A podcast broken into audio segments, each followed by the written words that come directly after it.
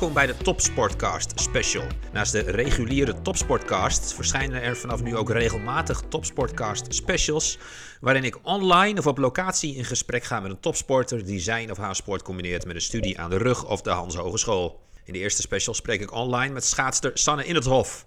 De derdejaars studenten fysiotherapie aan de Hans Hogeschool werd eind oktober enigszins verrassend tweede op de 5 kilometer tijdens de NK afstanden en plaatste zich zo voor de eerste vier World Cups.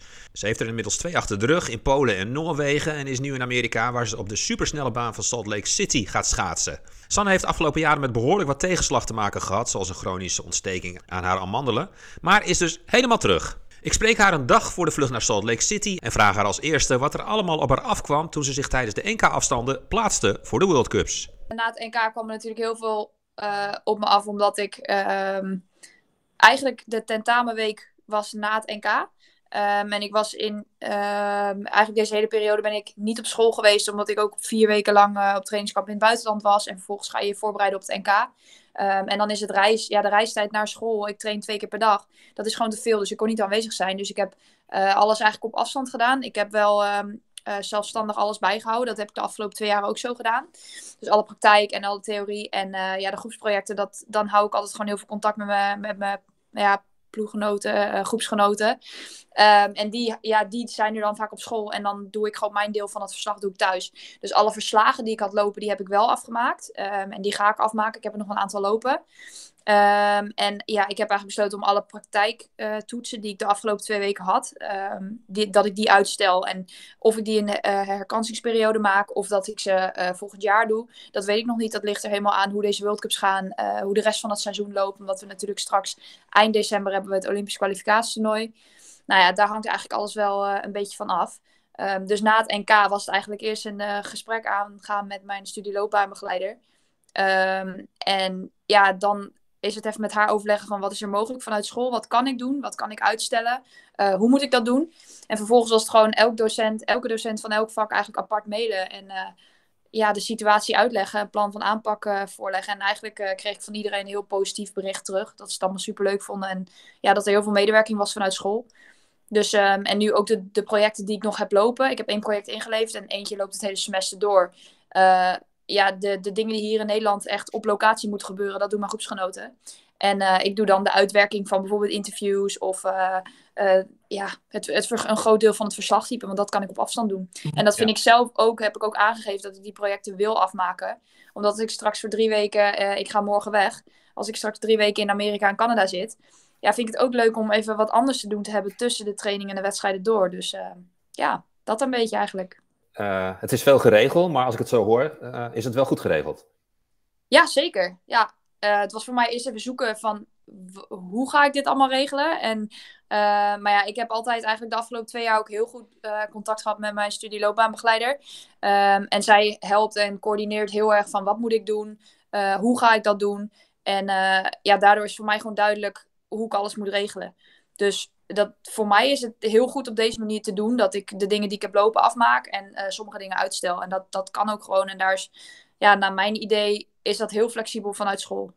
Ja, ik las al op internet dat je ook een stuiterbal bent. Dat je jezelf een stuiterbal noemt. Ja, klopt. is het dan ook wel prettig, hè, wat je zegt, dat je straks in Amerika bent en in Canada, dat je naast het trainen en de wedstrijd nog wat te doen hebt? Ja, ja, absoluut. Ik kan dan heel, ik kan heel slecht stilzitten en ik wil altijd te veel doen. En zeker als je nu naar Canada en Amerika gaat, dan ga je naar hoogte. En dan moet je de eerste dagen moet je gewoon echt rustig aan doen qua trainen. Dan mag je gewoon niet veel doen. En ik ken mezelf. Ik, dan heb ik niks te doen en dan wil ik trainen of dan word ik onrustig. En ja, weet je, als je dan gewoon, uh, ik kan dan slecht stilzitten. Alleen als je dan mooi een verslag hebt van school of um, ja, wat theorie gewoon van de vakken die ik nog heb lopen, dat ik dat kan doornemen. Dan heb ik ook iets op om, ja, om uit te rusten, maar ook even mijn hoofd zeg maar, ergens anders bij te hebben. Want anders, je wereld wordt zo klein. En dat heb ik gewoon gemerkt de afgelopen jaren, dat ik daar niet lekker op ging. En dat, ja, eigenlijk doordat ik een studie ernaast had, dat ik uh, ja, ook andere dingen aan mijn hoofd had. En dat, dat doet mij gewoon heel goed. Ja, je hebt dus afleiding nodig. Ja, ook. ja. Ja, want ik las dat je afgelopen zomer ook uh, nou ja, bijbaantjes hebt gehad. Je hebt de GGD uh, geholpen, geloof ik. Ja, klopt. Hoe, combineer je dat allemaal? Ja, nou, dat was heel erg passen en meten eigenlijk afgelopen zomer. Maar um, ja, ik woon dan nu sinds uh, april echt zeg maar in een appartement hier in Heerenveen uh, op mezelf. En um, ja, ik merkte eigenlijk dat als ik dan... Ik train twee keer per dag, alleen tussen de trainingen door. En s'avonds als ik dan thuis zat, ja, dan zat ik een beetje voor me uitstaan. En dacht ik van, nou, dan word ik zeg maar onrustig. En dan wilde ik gewoon wat anders te doen hebben. En ik wilde niet alleen maar dat alles draait om het schaatsen. Want daar, dan merk ik gewoon, dan, dan ga je heel snel in je hoofd zitten en ga je over alles nadenken. En dat deed mij niet goed. Um, dus toen heb ik eigenlijk gewoon, ja, dat baantje van de GGD, dat heb ik gewoon zelf ingepland. Het was heel flexibel en uh, kon je zelf ook de diensten aanvragen.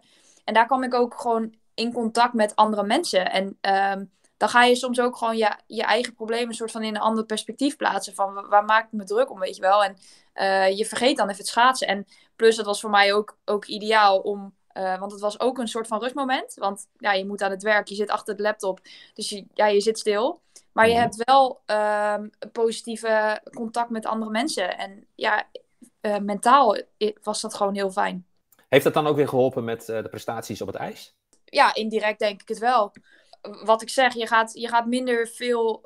Je gaat minder zitten piekeren en je gaat minder in je hoofd zitten. En uh, doordat je gewoon tenminste, mij heeft het heel erg geholpen om gewoon wat losser te worden. Van ja, uh, zie de dingen maar zoals ze komen. En uh, je zult tegenslag hebben, maar ja, dan ga je daarmee om op de manier waarop, waarop je dat op dat, moet, op dat moment moet doen. Mm -hmm. uh, en het komt allemaal niet zo nauw. En dat, dat heeft mij gewoon in het algemeen veel rustiger gemaakt. Ja, dat dus ook relativeren? Ja, precies. Ja. ja, want je hebt wel tegenslag meegemaakt, las ik al. Ja, klopt. Ja, was dat een moeilijke periode? Ja, ik neem aan van wel. Het is een beetje een inkoppertje, denk ik. Ja, ja, de tegenslag is natuurlijk nooit leuk. Uh, en op het moment zelf is het zeker niet leuk. Uh, ik heb er wel veel tegenslagen gehad. Maar achteraf, als je erop terugkijkt, dan, uh, dan heb je er alleen maar ontzettend veel van over mezelf geleerd. Uh, en heeft het me ook gewoon sterker gemaakt in, in het topsporter zijn, maar ook in, in als mens zijnde, zeg maar. En dat mm -hmm. draagt denk ik ook bij dat ik uh, nu gewoon zoveel over mezelf heb geleerd de afgelopen jaren. Dat je nu weet van wat werkt voor jou en wat werkt niet voor jou. En dat, dat je daarom nu gewoon met alle kennis en ervaring die je hebt opgedaan, dat het nu gewoon eruit komt qua prestatie. Ja, ja. ja dat begon natuurlijk al bij de NK afstanden. Ja. En dan de, de World Cup, de eerste in Polen. Ja. Toen deed je de drie kilometer. Ja, klopt. Hoe ging, hoe ging dat? Nou, dat ging uh, best oké, okay, maar daar was ik niet helemaal tevreden over ik was in Polen niet helemaal fit. Um, en uh, dan merk je gewoon dat je net niet, net niet op je 100% uh, kan presteren. En ik heb ook gewoon, zeg maar, na het NK, dan leef je eerst anderhalve week op, op een roze wolk soort van. En je denkt dat je alles aan kan en komt zoveel op je af. En uh, nou, dan moet je ook heel veel regelen met school, met, met alles hier in Nederland. Um, en dat kost best wel veel energie. En dan kom je op, op zo'n World Cup en uh, je bent alleen maar aan het inpakken en aan het reizen. En uh, dat geeft heel veel indruk. Het kost ook energie. Dus ik had dat wel een beetje onderschat.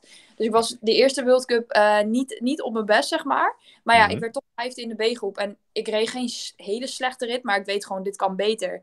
En ja. uh, van die eerste World Cup heb ik gewoon heel veel leermomenten meegenomen. En ja, die heb ik eigenlijk opgepakt uh, bij de tweede World Cup. En die was afgelopen weekend in Noorwegen. Ja, en daar heb ik, heb ik de fouten, of de fouten, zeg maar, de dingen die beter konden bij de eerste World Cup, die heb ik nu beter gedaan. En dan merk ik direct van, hé, hey, deze World Cup ging supergoed. En het was ook, ik reed nu in Noorwegen een 5 kilometer. Dat is gewoon veel meer mijn ding. Nou ja, en dan word je tweede in de B-groep. En uh, reed de zevende tijd eigenlijk van de hele dag. Dus ja, dat ging gewoon supergoed. En dat gaf me heel veel vertrouwen weer. Ja, dan ga je nu naar, uh, naar Amerika, naar Salt Lake City. Ja, klopt. Hoe kijk je daar naar uit? Ja, daar heb ik ontzettend veel zin in. Dat is natuurlijk, je gaat naar hoogte en je gaat naar de snelste baan van de wereld. En uh, ja. naar je ook. En ja, ik ben echt zeg maar iemand die gewoon glijijs nodig heeft. En Polen was echt ontzettend zacht ijs en moest je echt voor werken. Mm -hmm. uh, en ja, dat is niet echt mijn ding, zeg maar. En Salt Lake, ja, dat is glijden en dat vind ik mooi. En ik ben heel benieuwd wat ik daar kan laten zien qua qua prestaties en ook qua tijden. Of ik mezelf gewoon uh, flink kan verbeteren. Ik heb er heel ja. veel zin in. Maar rijd je dan nu in de A-groep of nog steeds in de B-groep? Nee, nou mag ik op de, op de drie kilometer volgende week uh, in de A-groep starten. Ja, dus ook uh, tegen de beste.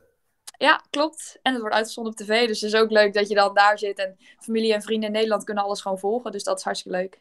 Ja, precies. Ja. En daarna door naar Calgary. Ja, klopt. Ook nog. Ook al een hele mooie baan. Ja, daar ben ik al een keer eerder geweest. En dat is ook gewoon een, ja, een, een hele leuke baan. Qua, je, je, zit daar echt op een schoolcampus. En dat vond ik wel grappig de eerste keer dat ik daar was. Uh, omdat je dan, ja, ik had ergens een beetje het idee van, hé, hey, ik loop de, de film High School Musical binnen, zeg maar.